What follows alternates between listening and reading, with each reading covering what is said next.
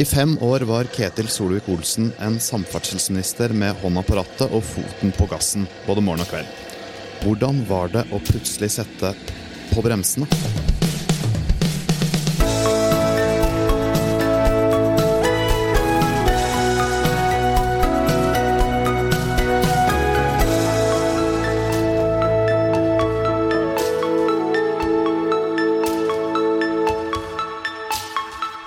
I dag så har vi en bokaktuell gjest med oss her i Byggeplassen. I fem år, som det var sagt innledningsvis, så var Ketil Solvik-Olsen samferdselsminister før han takka for seg og satte kursen for Alabama og USA, der kona hadde fått seg jobb som barnelege på et av Amerikas største sykehus. Sceneskiftet fra Norge til USA kan vi komme tilbake til litt seinere. Først må vi starte med et annet stort sceneskifte.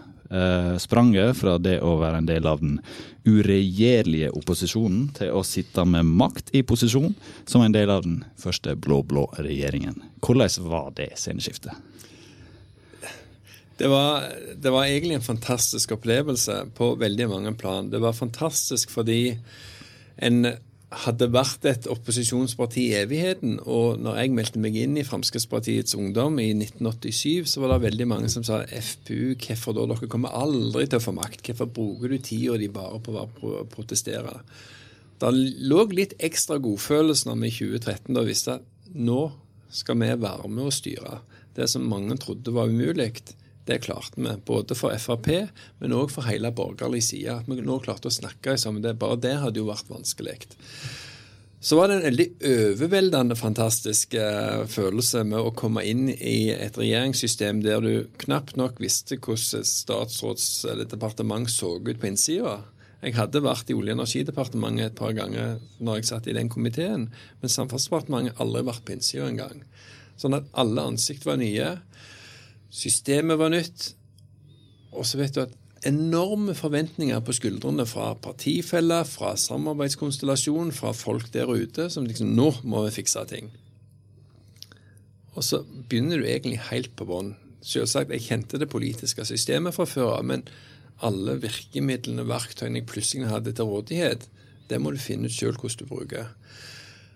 Og da ser du jo at du, der, liksom, Allerede første dagen på jobb så kommer jo bunker med papir. Fordi at systemet jobber jevnt og trutt. Samferdselsdepartementet hadde etater og selskap med over 50 000 ansatte. Altså Posten, Vegvesenet, Avinor, alle disse.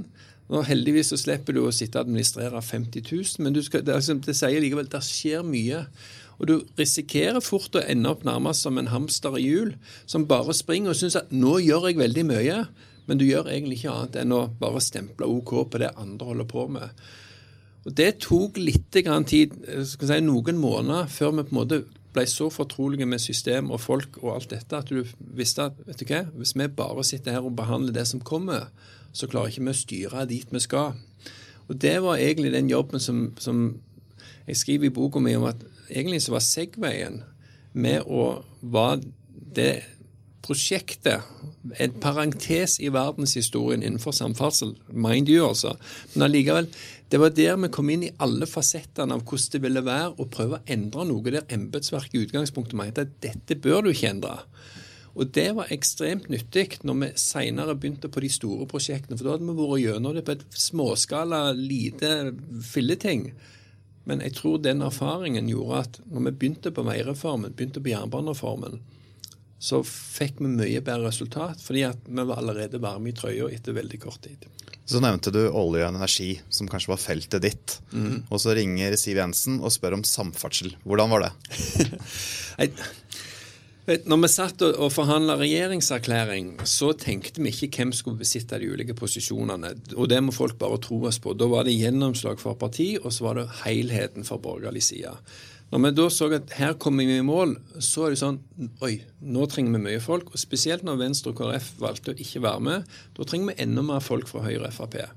De fleste tenkte nok at her er det Per Sandberg som blir samferdselsminister, fordi han hadde ledet transportkomiteen. Min bakgrunn var i olje og energi og delvis eh, to år i finanskomiteen. Men så valgte jo eh, Per Sandberg at han ikke ville sitte i regjering. Han ville måtte være mer på grasrota i stortingsgruppa og, og, sikre at vi beholdt sjela vår. Og dermed så ringte Siv og sa du, Samferdselsdepartementet, syns du om det? På en måte som bare var sånn at det, Og det eneste rette svaret her er ja takk. men, men for meg så var det sånn at jeg hadde jo vært borti mye. Som, som, som, finanspolitiker for Frp så hadde jo jeg samarbeidet mye med Bård Hoksrud når han styrte i samferdselsfraksjonen og jobbet med Nasjonal transportplan 2014 til 2023. Eh, så, så jeg, jeg, kunne det, men jeg kunne det ikke så grundig og detaljert som jeg ofte liker for at jeg skal si ja, dette, dette vil jeg. Så det var, det var en mentalitetsrunde med meg sjøl på liksom liksom, Vil jeg klare å levere? Liksom, klarer jeg å lære dette fort nok til at vi faktisk får satt det på kartet, eller er det andre som ville være bedre egnet pga. Men da lurer jeg på om kanskje du var mer overraska enn det kanskje oss som skriver om dette feltet og følger dette feltet. For vi tenkte jo her at eh, ja, Solvik-Olsen, det er jo selvsagt han som skal inn der. Du har jo hatt et rykte på deg som eh, en bilentusiast. Du er veldig mm. glad i eh, amerikanske biler. Kanskje ikke tilfeldig at du har havna i USA etter hvert, både under studietid og Men, men hva, når du begynte med den Nye Veier planleggingen. Når starta den tankeprosessen der, og hvorfor har vi endt opp der vi har gjort i dag? Altså, Prosessen med å tenke reform av veisektoren, den, har, den begynte egentlig altså Modningsprosessen allerede mens vi satt i opposisjon. Eh, når jeg nå har skrevet boka mi, så har jeg jeg, jeg, har ikke sittet og notert så mye som jeg gjerne burde mens jeg satt i Stortinget, men jeg har skrevet blogg, og det er jo egentlig notat, det òg. Og når jeg leser gamle blogger fra 2011, 12 og 13, så ser jeg jo at jeg skriver mye om organiseringen av veisektoren. Jeg skriver hvordan vi stadig utfordrer Magnhild Meltveit Kleppa og, et, øh, og, deretter Marit Arnstad på den enorme kostnadsveksten som var eh, for å bygge vei, og hvordan det var manglende prioritering på vedlikehold av vei. Og jeg tror vi stilte et spørsmål til Kleppa om liksom, hvor mye koster det å bygge en kilometer standard firefelts motorvei, og pris, prisnivået var mer enn dobla på få år. Og Det tilsier jo at vi må gjøre noe med systemet. Og så betyr det òg at hvis vi først skal spare penger i oljefondet, så er det jo egentlig bedre å bruke pengene på å bygge vei nå enn å spare dem for å bygge vei om 50 år, når prislappen er blitt økt mye mer enn avkastningen fra fondet. Så tanken om at vi må ha en reform, den var godt rotfesta, men gjerne derfor var òg forventninger til at han skulle komme så ekstremt store. Og da er jo litt sånn For et parti som ikke hadde sittet og styrt eh, landet før, men bare sittet i opposisjon, så var jo forventningene at det, det fikser du bare, Solvik-Olsen. Sett i gang, sant, og liksom nå bare rydd opp i Vegvesenet. Du vet, du lærer jo som leder at det er 7000 ansatte i Vegvesenet. Hvis du bare sier at nå skal vi endre på alt, de skal ha styringssignal. De skal ha eh, system rundt seg. Folk har opptjente rettigheter, du har pensjoner, du er på ulike stadier. og Ting skal fungere òg mens du endrer. Du kan ikke bare stoppe veisektoren i fire år og si at nå skal vi lage et nytt system. Vi begynner igjen om fire år.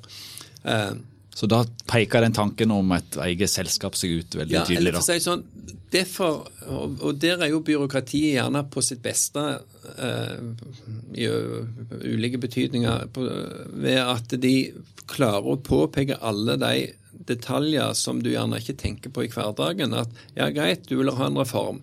Men har du tenkt på det og det og det? Sant? Og det er nyttig å få det. fordi at hvis du ikke tenker på det når du begynner, så vil de problemene uansett være der. Mm.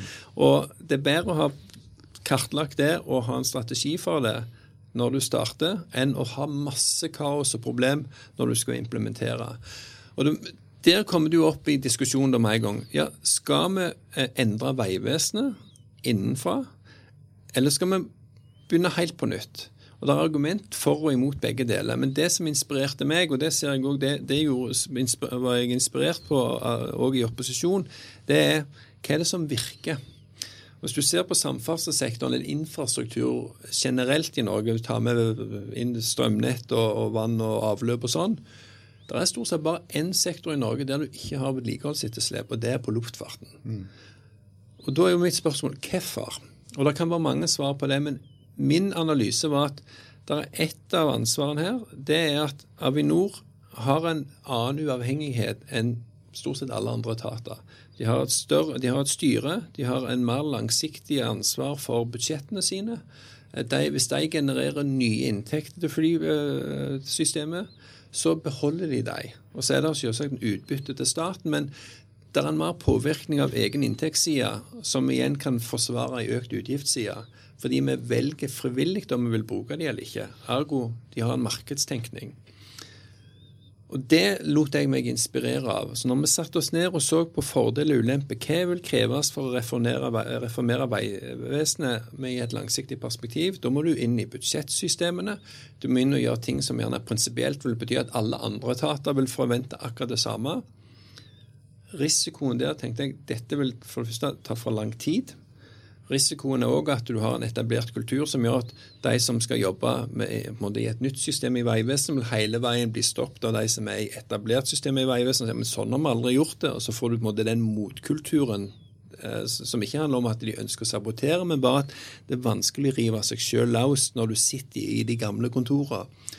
Og Derfor endte vi opp med at Nye veier, selv om det var risikomoment med det òg, det ville gi oss raskere mulighet til å teste ut måte, ny filosofi, ny måte å tenke på, langsiktig budsjettering.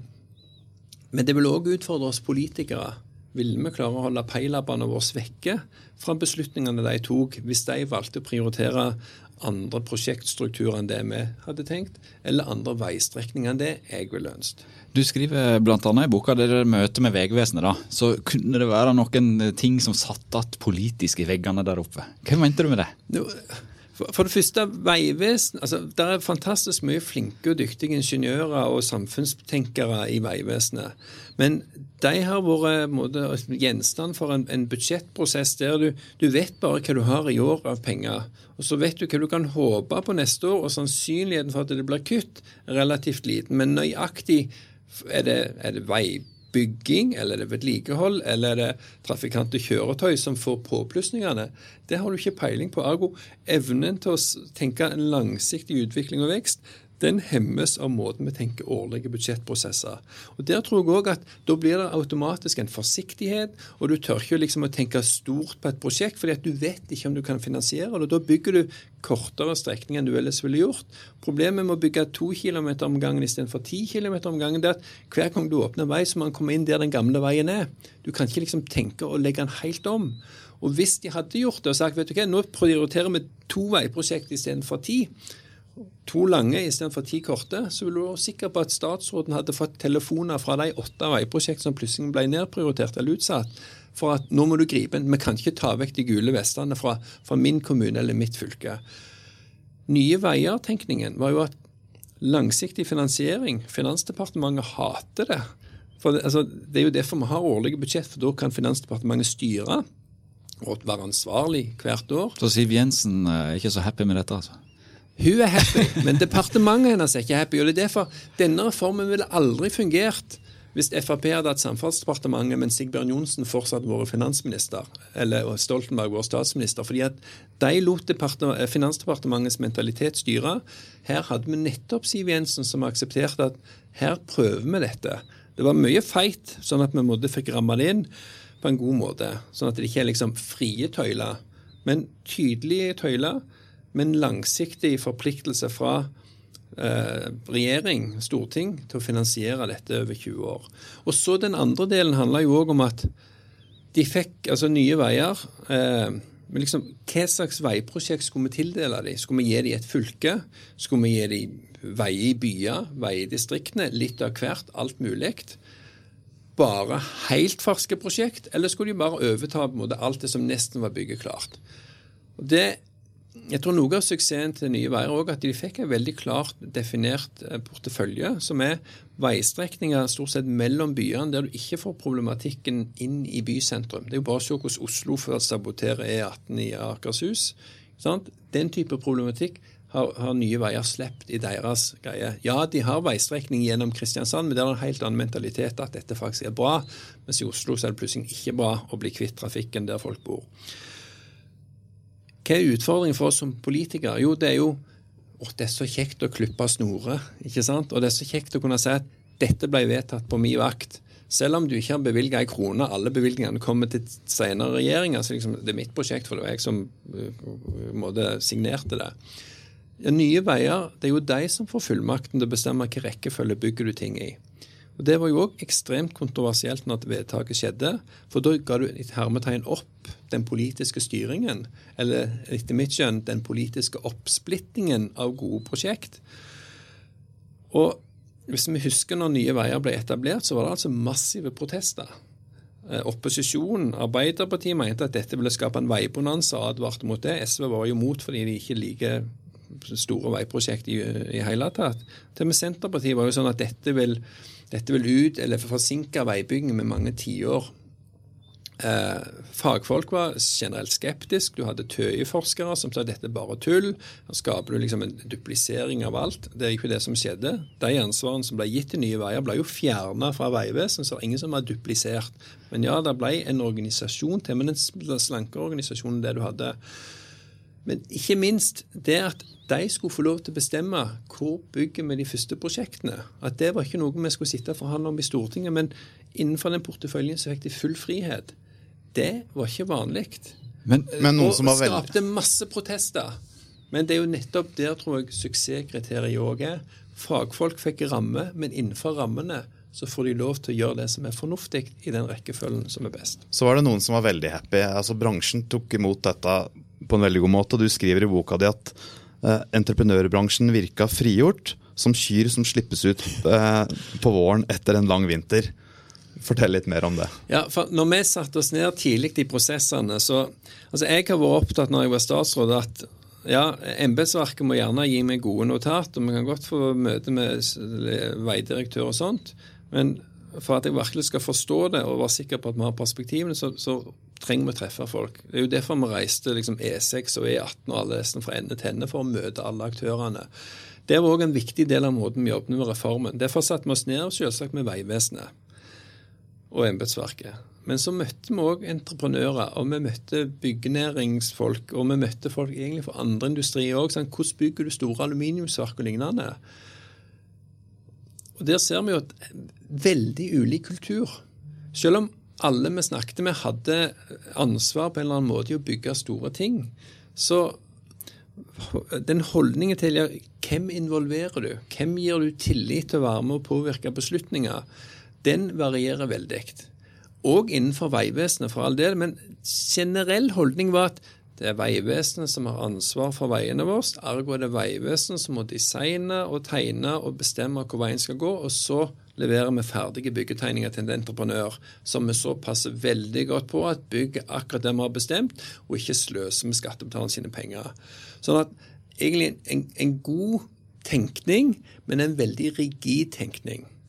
Og når vi da møtte entreprenørene, så satt jo de og hadde mye kompetanse. Altså dette er ikke tilfeldige gravemaskinførere og lastebilførere som ikke kan noe annet enn å styre akkurat sitt redskap. Mange av disse er jo ingeniører sjøl, kan akkurat de samme tingene som veiingeniørene i Vegvesenet, men har tatt andre roller i samfunnet. Og hadde så mye de hadde lyst til å bidra med. Og, og, og så at hadde du kjent området, så ville du jo visst at du legger ikke veien der, du legger den sånn. Og hvis vi kunne liksom tilpasse oss når vi vet at her kommer det masse, masse, istedenfor å kjøre den langt dekk, så kan vi ikke bare dumpe den langs veien, og så får du faktisk en bredere vei til en billigere penge. Mye sånn måte, praktisk visdom som de har tilegna seg med å faktisk være de som gjennomfører. Det har en gått glipp av. Og det var der det var så kjekt å se når, vei, når, når entreprenørene liksom følte at nå blir vi lytta til. Her kan vi faktisk være med. Da framsto de ja, som frigjorte, frigjorte som kyr på vårslepp. Og det er ikke tvil om at det, du, du, var godt likt i bransjen, det, det vet vi. Eh, du var ute og møtte bransjen, som du sa, og du var jo stort sett på alle typer arrangement. Eh, både som innleder og, og som lytter. Mm. Men eh, i boka di så tar du òg fram det der samarbeidet med bransjen, med offentlig-privat samarbeid, mm. OPS. Du er veldig fornøyd med mm, Elverum-prosjektet til Statens vegvesen, og viser at det er på en måte et steg i riktig, riktig retning. Eh, jeg lurer på eh, når et OPS-prosjekt blir for stort. For eh, På Sotra der snakker en om 10 milliarder. Samme snakker en oppe i nord. og Signaler fra bransjen der da er at nå blir det for stort. Og Hvis du får så store kontrakter at ikke de norske kan delta, er ikke det et problem i et sånt samarbeid? Jo, og det er et viktig problem å diskutere og være bevisst på. Så tenker jeg at et prosjekt er ikke for stort nødvendigvis bare ut fra hvor mye koster det. Fordi at noen strukturer er veldig dyre å bygge, men ikke nødvendigvis veldig altså Sånn som Sotrabrua. Det er veldig dyrt, der, eh, der det, men det er, liksom, det, det er ikke et prosjekt som strekker seg sånn at det er over, over mange mil og over mange ulike administrative nivåer som gjør at kompleksiteten og å ha oversikten er stor. Hvis prosjektene blir så store at materielltilgangen, kvalifikasjonene hos entreprenørene måtte overveldes, sånn at her er det kun liksom de store europeiske som kan løse det, ja, da skal vi sette på bremser, tenker jeg. For, hvorfor bygger vi infrastruktur? Jo, vi bygger det for at hverdagen vår skal bli bedre. Sånn, det er jo det ferdige produktet som er det viktige. Det endrer måten vi tenker geografi på, det er bo- og arbeidsmarked hele pakken. Men en viktig del for meg av det å bygge infrastruktur er òg at kunnskapen som vi utvikler gjennom å løse kompliserte oppgaver, f.eks. Sotrabrua, det er ikke bare A4-prosjekt det gjør at vår, hvis, altså, Den må vi bruke til å bygge den kunnskapen inn i norsk næringsliv og norsk ingeniørkunst, og ikke bare kjøpe den fra utlandet. Det å sørge for at du sysselsetter folk sånn at våre ungdommer tenker at vet du hva, det å bli gravemaskinfører og lastebilsjåfør, det er der i framtid. Den jobben kan jeg gjøre, og jeg kan leve av den. Det er òg noe. Derfor er, har det vært et mål for meg at de prosjektene vi gjør Vi skal både forvalte skatteplanen sine penger på en god måte, men vi skal òg sørge for at det gir ringvirkninger inn i norsk økonomi, og gir en optimisme for dagens arbeidstakere og framtidige arbeidstakere. Men, Men argumentet om når blir det for stort? Vel, når Nye Veier begynte, skal vi huske at det var jo for stort bare det at det gikk over en milliard, nesten. Og Allikevel så har norske entreprenører vunnet stort sett alle nye eierprosjektene, selv om de har vært på både 3 og 4 milliarder kroner. Og Det handler litt om å sørge for at prosjektet er, er, på en måte så godt beskrevet, og aktørene involveres på en så tidlig fase at de norske aktørene har kunnet få oversikt og få modnes og finne ut ok, klarer jeg dette alene, eller kanskje må jeg av og til få en partner i dette, en annen norsk partner. Og Da ser vi at vi har mer enn nok kompetanse til å løse problemene eh, i Norge med norske entreprenører, men av og til har du måttet gå ut for din egen organisasjon. Og Det er det samarbeidet som Nye Veier har inspirert, som jeg òg mener at jeg tror ikke de norske entreprenørene i dag ville gått tilbake og sagt at nei, nei, vi må tilbake til den gamle kontraktstypen, de gamle kontraktstørrelsene. Men da, som dere tar opp, det betyr ikke at et 20 milliarder kroners prosjekt er dobbelt så godt som et 10 milliarder kroner. Det kan bli for stort. Og jeg, Men, jeg, har ingen interesse av at vi til slutt bare har kinesere eller tyrkere som bygger vei i Norge. Der har du et stikkord som jeg er veldig interessert i. Mm. Kinesere. Jeg du har skrevet om det. ja, ringte deg noen ja. ganger der eh, når du satt i posisjon. Ja. Eh, og akkurat for at det der uh, var næringsministeren i Kina og statsministeren og møtte noen kinesiske entreprenører på en eh, Det var vel egentlig en middag eller en, en liten forsamling der. Mm. Liten og liten, det var mange folk der. Men det resulterer i hvert fall at to store kinesiske entreprenører kommer på en rundreise i Norge, og møter Statens vegvesen. og og sånn. Og jeg vet at Du, du møtte òg en eh, bank, men du møtte ikke eh, entreprenørene, etter det jeg husker. Men, men eh, da er mitt spørsmål, var det Næringsdepartementet som ville først og fremst ha den der eh, Kommer du i en skvis på en måte som samferdselsminister? De vil gjerne selge laks, og så kommer, kommer vei inn i bildet i, i dealen? Nei, altså, det, når, når, vi reiser til utlandet, så blir vi jo tatt på mange mottagelser. Jeg oppfatter at når næringsministeren møtte dette kinesiske selskapet, så var det en mottagelse der de kom bort og snakket med næringsministeren. sånn at det var ikke et formelt møte og planlagt alt dette, men det var en bli kjent-greie. Og Det syns jeg er helt greit, for hvis vi nekter å treffe utenlandske bedrifter, så vil heller ikke utlendinger ville treffe norske bedrifter. Så er jo spørsmålet eh, ikke om folk snakker og møtes og blir kjent, men har vi kontraktstrategier og tilnærminger som gjør at de plutselig har fordeler i å vinne kontrakter eh, på bekostning av norske. Og Der ser en på historikken. Den siste kontrakten som gikk til kinesere på riksveier, den ble framforhandla under forrige regjering. Det er altså over seks år siden kineserne vant den kontrakten. og Det er altså oppe på Narvik. Ja, men det er på Beitstadssund. Og så er det en fylkesvei som har gått til kinesere, i et fylke som er styrt av Senterpartiet og Arbeiderpartiet. Og da vet jeg at jeg ofte diskuterte med deg at her prøver det liksom, år etter år å mistenkeliggjøre at dagens regjering kjører kontraktene ut av landet, når de få kontraktene som har gått til kinesere, har gått under Senterparti-styrte regime. Og Da er det ekstra urimelig når Senterpartiet får late som ingenting og mistenkeliggjøre i vår regjering. Når alle bevis peker på at den kriminelle her er den som anklager. Og, og, og igjen, vi, altså det som jeg syns er veldig bra når jeg treffer norske entreprenører, det er at de sier vi tåler konkurranse, men vi må ha det på fair vilkår.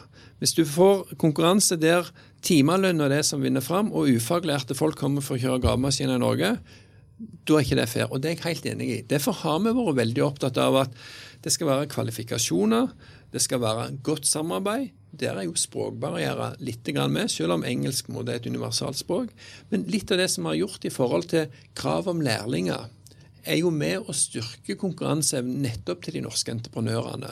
Så selv om du aksepterer at det kommer utenlandske selskap inn, og av og til vinner, så mener jeg at de grepene vi har gjort, har faktisk styrka de norske aktørene. Når du ser på andelen av kontraktene både i antall og ikke minst i kroner, denne seksårsperioden kontra foregående seksårsperiode, så vinner norske entreprenører mye mer nå enn det de gjorde før. Så eh, jeg er enig i problematikken vi skal være oppmerksom på kineserne, men all erfaring og alle bevis tyder på at hvis du vil ha norske entreprenører på norske veiprosjekt, så er det dagens regjering som leverer det. Litt uh, det, Dette her kunne vi snakka lenge om, men jeg vet du har dårlig tid. Du skal snart videre på et uh, annet lanseringsopplegg uh, for boka di. Mm. Og i boka di så er du litt innom USA. Vi må jo vite hva du gjør der. Hva det går i dagene dine der, og hva du skal gjøre når du kommer hjem. Og når kommer du hjem? For det første, Vi har det kjempebra der borte. Eh, sykehuset kona jobber på er ekstremt avansert, har masse av det nyeste utstyret og, og rangerer som topp tre innenfor det hun holder på med, som er på en måte premature fødsler. Babyer er 3-4-25 uker. Så, fantastisk spennende. Ungene trives godt på skole. Eh, finner seg godt til rette. Og det, det, er kjekt å se hvor raskt de sosialiserer seg. Og hvor raskt de begynner å få litt sånn Alabama-slang på, på engelsken Sweet Home Alabama. Ja, Sweet Home Alabama. Eh, og så er Birmingham et fascinerende sted å bo, fordi at det har en ekstremt variert historie. Det er altså en magisk by som oppsto nesten fra ingenting i 1870 til å være har egentlig mer tetthet på skyskrapere i en kort periode i 1910 enn nesten New York hadde, til å så bånde ut i depresjon og, og, hele pakken, og der du i praksis hadde apartheidregime fram til 1964. Altså, det, det, bare skjer i hjertet i forhold til frihetselskende nordmenn å høre hvordan landet for frihet ikke ga det til den svarte befolkningen. Hvordan får jeg dagene mine til å gå der borte? Du vet, når jeg gikk av som statsråd, så hadde jeg jo ingen planer. Og vi trodde jo at eh, nå reiser vi veldig kjapt til USA, så tok det noen uker før vi fikk visum. Men en statsråd kan jo ikke begynne å søke på jobb eh, før han har gått av.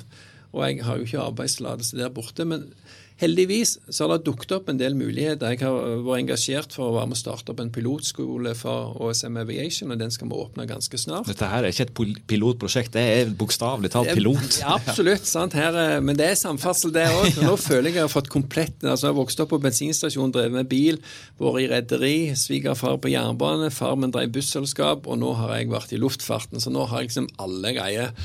Men jeg har fått litt sånn, jeg er med i litt startup-selskap og, og hjelper. sånn at er det folk som lytter, som har gode ideer og tenker at her trenger jeg litt kunnskap, så, så ja, jeg, jeg, bidrar sånn så jeg får dagene til å gå. Du er konsulent, eh, Solvik-Olsen, altså? Ja, ja, det kan du si. Jeg er med på litt sånn advisory board i noen bedrifter. og jeg, jeg jeg brenner veldig spesielt for bruk av teknologi i transportsektoren. og sånn. Altså, hvis dere vil ha hjelp til å lobbe inn mot staten, så gjør jeg ikke det. Hvis en tenker liksom, hva, hva, hvordan kan vi løse framtidens utfordringer, og hvordan kan norske bedrifter vinne fram, så har jeg fortsatt stort engasjement der. Og det har vært veldig gøy og nærmest som privatperson nå kunne ta en tur til San Francisco et par ganger og møte USAs forrige transportminister, Anthony Fox. Han traff jeg flere ganger når begge oss var statsråder. Nå jobber han for Luft, altså konkurrenten til Uber. Eh, og, og, og liksom Det å høre hvordan de tenker, eh, utvikling og bruk av teknologi og konkurranse mot drosjemarkedet Mens jeg sier at skal dere tenke Europa, så må dere tenke kollektivselskap. Sånn at, og Nå er vi begge sivilister, og det, det å liksom ha noen kontakter og vennskap inn mot andre lands politikere, det, det har vært gøy. Men Hva er du tenker sånn framtiden, da? Er du veidirektør, er du eh, Nye Veier-sjef, eller er du statsminister? Nei, jeg, jeg er sikker på at jeg skal ha spennende ting å gjøre, gjøre, på. Så har jeg signalisert med denne boka at jeg ønsker å være med å bidra i Fremskrittspartiets framtid. Og så vet jeg at noen, og så har jeg sagt at Fremskrittspartiet bør ha som mål å ha statsminister. Altså, for det gir enda mer innflytelse. Det er jo derfor vi er i politikken. Og så ser jeg at rikspressen med en gang tenker ok, han vil bidra, og han mener Frp skal ha statsminister, ergo er det han som skal være statsminister sjøl. Og det svaret til det nei, det er ikke greia. Jeg, jeg har et drivhjerte for, for uh, Fremskrittspartiet og for en borgerlig side skal styre landet videre. Men jeg har ikke nødvendigvis veldig behov for at jeg skal besitte de kuleste varmene sjøl. Hvis jeg blir en sperringspartner, så vil jeg være lykkelig. Men hvis jeg på sikt får lov til å være tilbake på Stortinget eller får lov til å være med i regjering, så vil jeg òg være lykkelig. Men om det tar noen år, og jeg jobber i næringslivet innen transportsektor, teknologi eller noe helt annet, så vil jeg òg synes det er kjempespennende. Så lenge jeg får jobbe med ting jeg er glad i, så er på en måte livet mitt ganske godt. Så noen år i næringslivet det jeg har gjort nå, syns jeg er spennende. Det er ulike roller inn mot den framtida vi alle skal bo i. Men så boka heter 'På vei'. Og du har prata mye om nye veier og veiprosjekter. Hva med bane? Er du fornøyd med jernbanereformen? Føler du at en like stor stolthet overfor det som, som for Nye Veier? Det, gjør jeg. Og, og, selv om vi har snakket mye om vei nå, så, så jeg har jeg òg et kapittel på nettopp jernbanen. fordi at den reformen er egentlig enda mer omfattende enn det Nye Veier er. Altså der tok vi ut, På, på veisiden tok vi ut noen strekninger. Og så har det skjedd mye eh, reformer internt i Vegvesenet som ofte går under radaren. Og, og ser du på kjøretøy og trafikant, eller trafikant- og kjøretøydelen i Vegvesenet, så er det òg si, en helt annen kulturorganisasjon nå enn i 2013. Så mye der. Men jernbanen, da tok du hele strukturen. Hele måten å organisere det på. Det som frustrerer meg litt i jernbanedebatten, er liksom det inntrykket av at vi har splittet opp og delt opp, og ingen vet hvem som styrer hva lenger. Men det, det er det motsatte som har skjedd. Jeg husker jeg besøkte Klepp stasjon, en liten jernbanestasjon rett nord for der jeg kom fra på Bryne. Og Der fikk jeg beskjed fra Jernbaneverket at her passer Jernbaneverket på den delen av perrongen, mens NSB passer på den delen av perrongen. Fordi eierskapet på samme perrongområde var delt. Nå er alt eid av Bane NOR, så på mange områder har vi samla ting som før var splitta. Det ligger nå i én organisasjon. Jo, før så var det jo sånn at togsettene lå mye hos NSB, men Flytoget eier jo sine tog. Den type greier. I framtiden skal det være norske tog som eier alt. Så vi har egentlig samla ting som hører sammen, inn i de naturlige organisasjonene, istedenfor at Flytoget er alt på sitt. NSB alt på sitt, og så er det Jernbaneverket alt på sitt igjen. Så, men det er for tidlig å se alle resultatene der ennå. Fordi at prosessen pågår ennå. Fordi du omstiller alt, så er det en mer langsiktig prosess enn det gjerne Nye Veier er, som raskt fikk dette ansvaret satt i gang.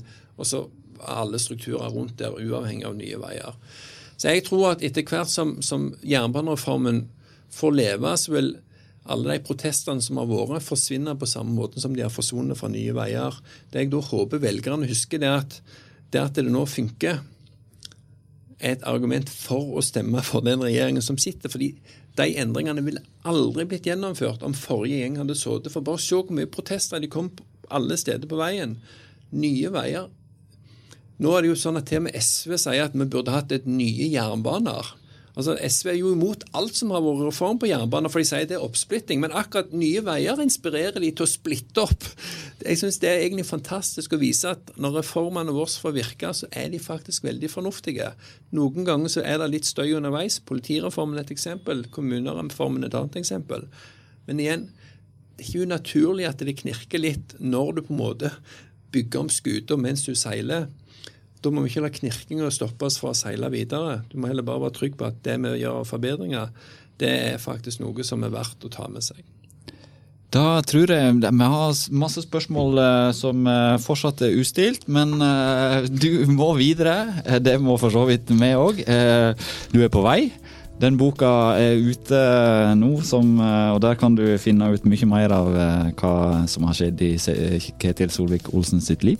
Mm -hmm. Både politisk og privat. Ja. Så eh, da takker vi så mye for praten med. Takk for at jeg fikk komme.